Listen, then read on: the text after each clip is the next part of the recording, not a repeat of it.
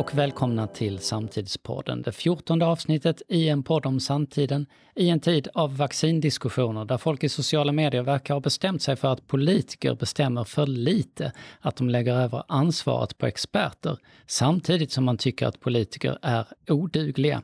Och hur man får ihop det här, ja det begriper ingen. Dagar av dessa får en att fundera över existentiella frågor och kanske är vi alla bara ett gigantiskt konstprojekt i en simulerad värld. Kanske är vi någon slags non-fungible tokens i ett simspel för någon som lever ett riktigt liv någon annanstans. Och alla som har spelat den här typen av spel vet ju att man ibland tappar kontrollen och att allt blir lite galet. Och medan kultursidorna kämpar med uppgiften att hitta relevanta ämnen i en ny tid, så griper man desperat efter trådar som man känner igen, vilket leder till att vi på gång på gång ser samma återanvända debatter. Som till exempel diskussionen om kulturelitens öppna dörrar och kända kulturbarn som glider fram genom Parnassen på en räkmacka. Och jag som drömmer om röster som berör och att inte bara prata om sig själv hela tiden. Jag heter Anders Milner och med mig har jag precis som vanligt Jasmin Aran Moder. Hallå, hallå! Och vi hoppar rakt in i veckans nyhetsflöde.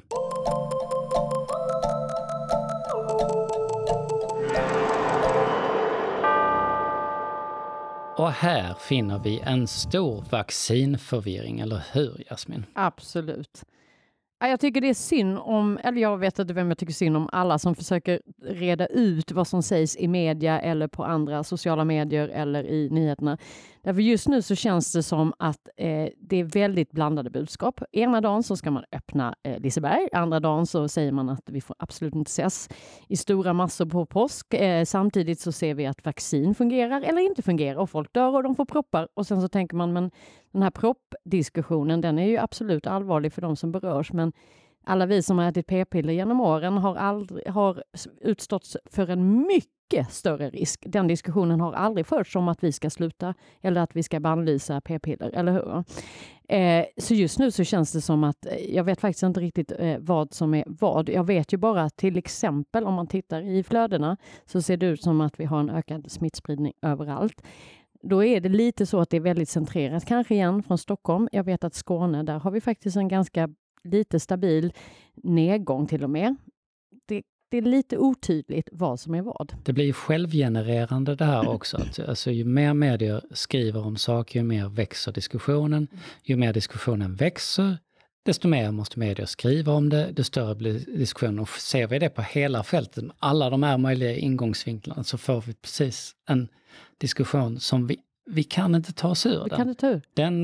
Det är ett självspelande maskineri som rullar på. Det är klart det finns något demokratiskt bra i att det förs, men det finns, det finns ju också konsekvenser av detta. Och det är lite som jag kan känna är lite farligt just nu är att det, i och med att det får en sån enorm fokus och det ska det ju ha till viss del, men vi får liksom inte riktigt grepp om eh, vad det står i relation till annat hemskt som händer runt om i världen. Dels vet vi om att konsekvenserna av lockdown har påverkat väldigt många.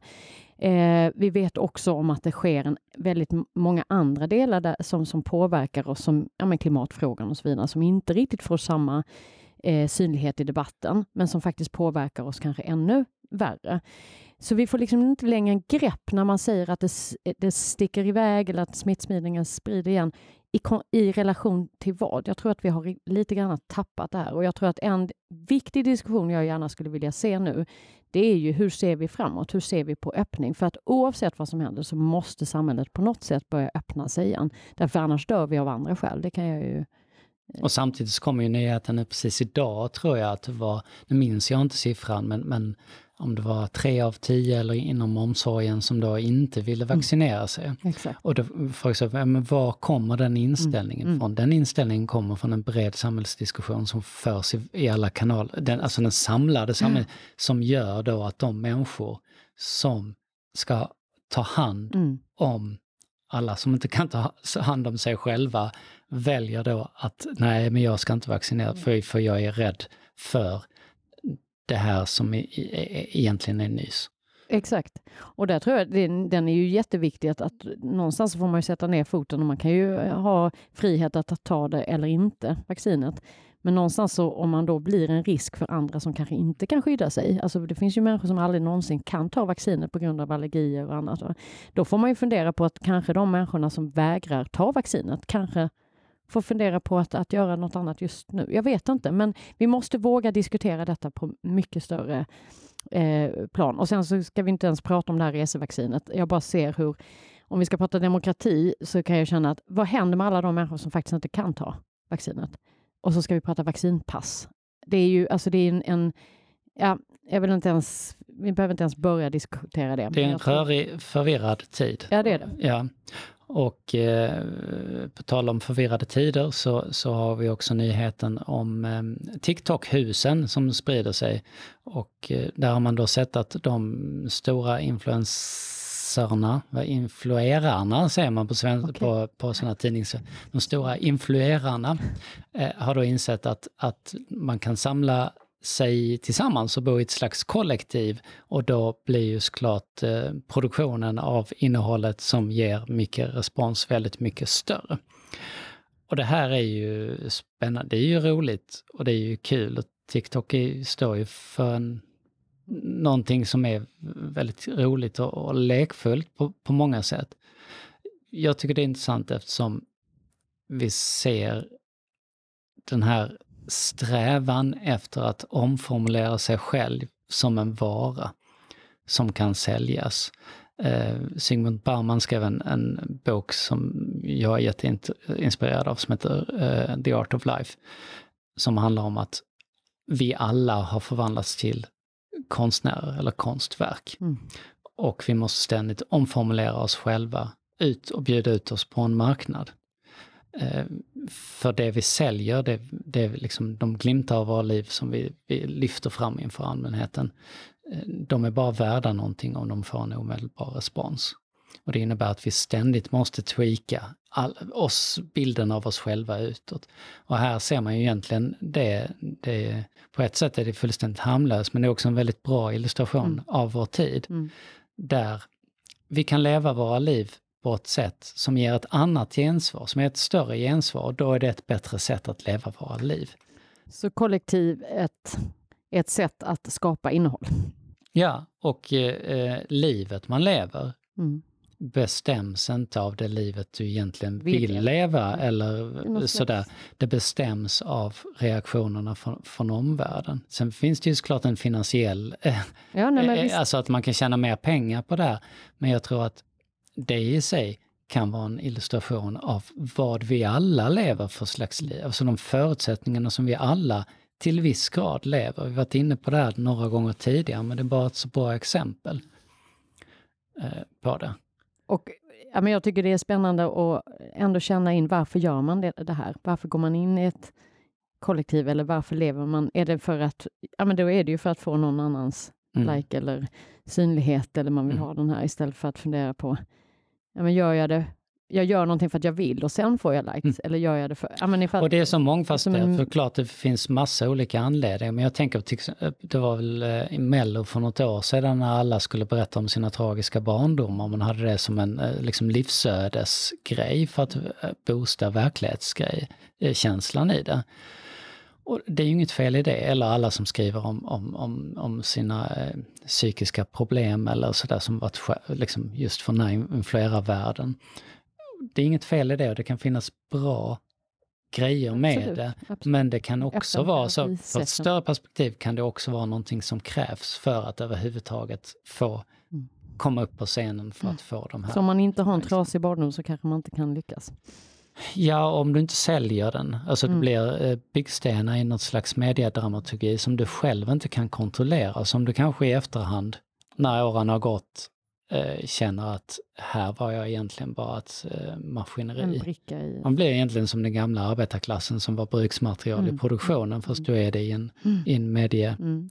Ja, det här tål att tänka på. Eh, ni som kliver in i sådana här grejer, fundera lite på varföret kanske. Ja. Man gör det, så man är trygg i det. Och medan vi väntar på era likes för detta inlägg så eh, lämnar vi veckans mediaflöde.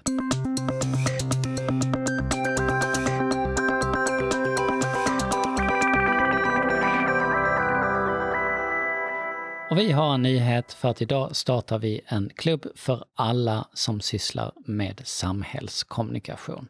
Och tanken det är att vi tillsammans ska hjälpa varandra att nå ut lite bättre. Och här sitter jag med min kollega Klara Olsson. Klara, vad är problemet när man försöker kommunicera samhällsfrågor? Ja, jag tror att det finns eh, flera anledningar, men en av dem, eh, alltså Eh, jobbar man med kommunikation idag så är ju sociala medier en, en, en kanal. Och eh, på Facebook så har det blivit svårare att nå ut.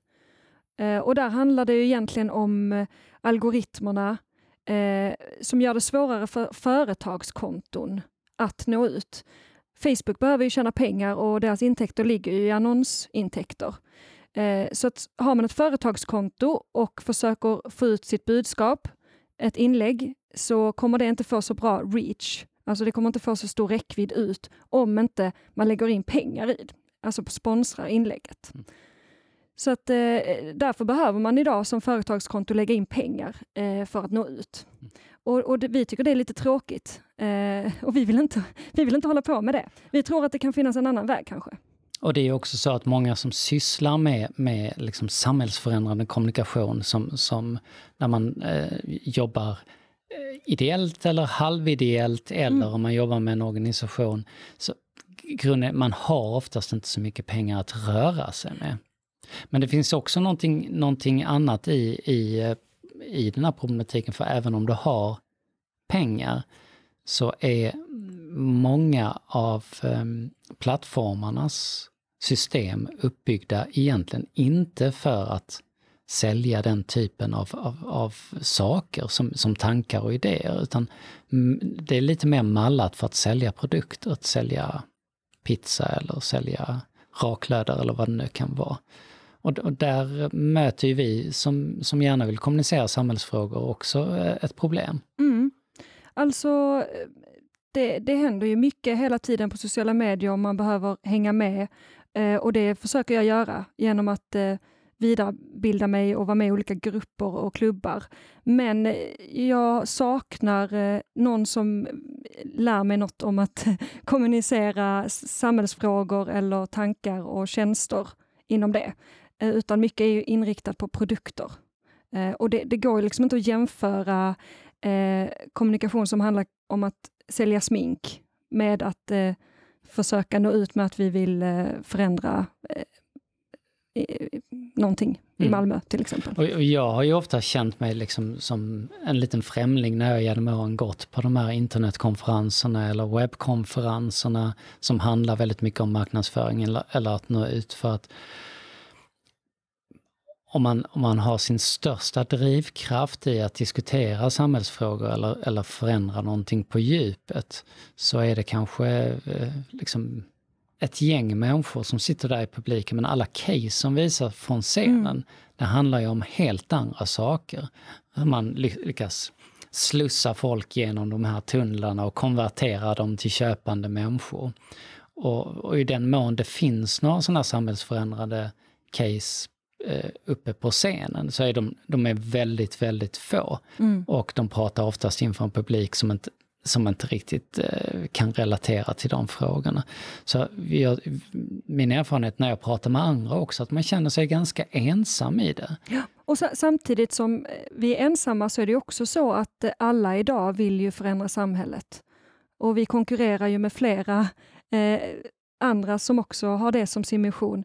Alltså till exempel H&M vill ju också vara en samhällsspelare idag och hålla på med hållbarhet och så. Ja, man behöver ju vara inne på de här banorna för att ha någon trovärdighet som företag idag. Mm. Som klimatfrågorna till exempel, eller liksom social hållbarhet och så mm. vidare.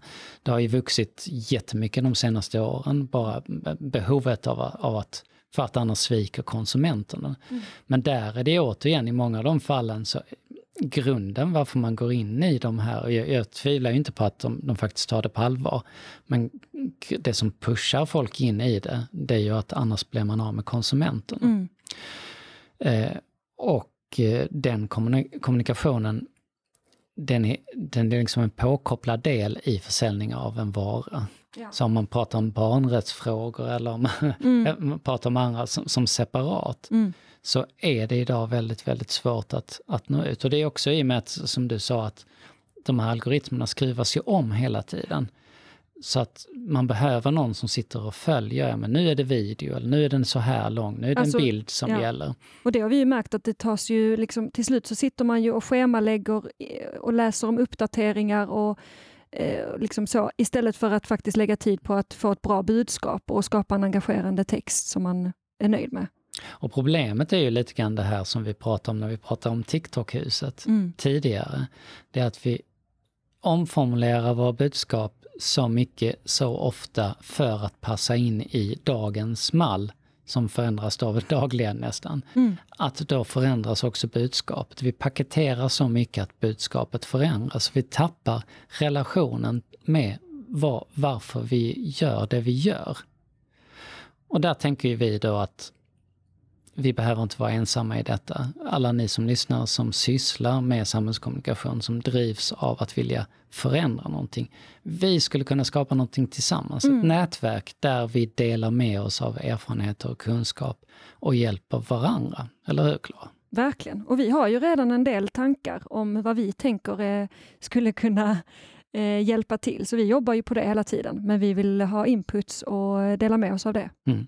Och vi tänker att eh, ni andra som sysslar med detta, ni, ni har ju också er mm. kunskap. Om vi delar med den med varandra så kan vi tillsammans stärka hela det här fältet. Och här är det ju inget nollsummespel, det är ju ingen som eh, förlorar någonting på att dela med sig av den här kunskapen. Det enda vi kan göra det är att vi får ett större genomslag för samhällsdiskussionen och eh, nå fler människor. Och då kan vi faktiskt förändra, tror vi, otroligt mycket tillsammans. Ja. Så hur vi lanserar detta idag, Klara? Eh, har vi några mer tankar på hur detta ska funka? Ja, men eh, vi, vi ska väl liksom eh, reach out idag och kolla eh, hur intresset ser ut och vilka som vill vara med. Eh, och sen så är väl tanken att vi kommer ha någon slags Facebookgrupp Um, ja. Där, och vi tänker ju också att, att vi eh, ska kunna ha möten kanske en gång i månaden som till början får, får bli digitala Zoom-möten. Kanske med någon inbjuden eh, liten talare, inspirationstalare, men också tror vi att, att bara prata om det här med andra som sitter i samma båt eh, gör en jättestor skillnad faktiskt. Ja, och dela med sig av exempel som man ser som har funkat eller frågeställningar som man står inför när man ska publicera någonting. Mm. Så att vi går ut med detta idag och ni kommer hitta information på vår hemsida altitudemeetings.se men även på våra sociala mediekonton om detta. Eh, välkomna att delta. Ja. Tillsammans kan vi förändra jättemycket. Och det här var allt för oss idag. Det är fredagen den 19 mars och den här dagen 1957 så köper Elvis Graceland 1962 släpps Bob Dylans debutalbum och 2003 så inleds Irakkriget. Du har lyssnat på Samtidspodden med mig, Anders Milner, med Klara Olsson och med Jasmin Aran Moder. Samtidspodden produceras av Altitude Meetings och vi ses igen om en vecka. Till dess, ta hand om er.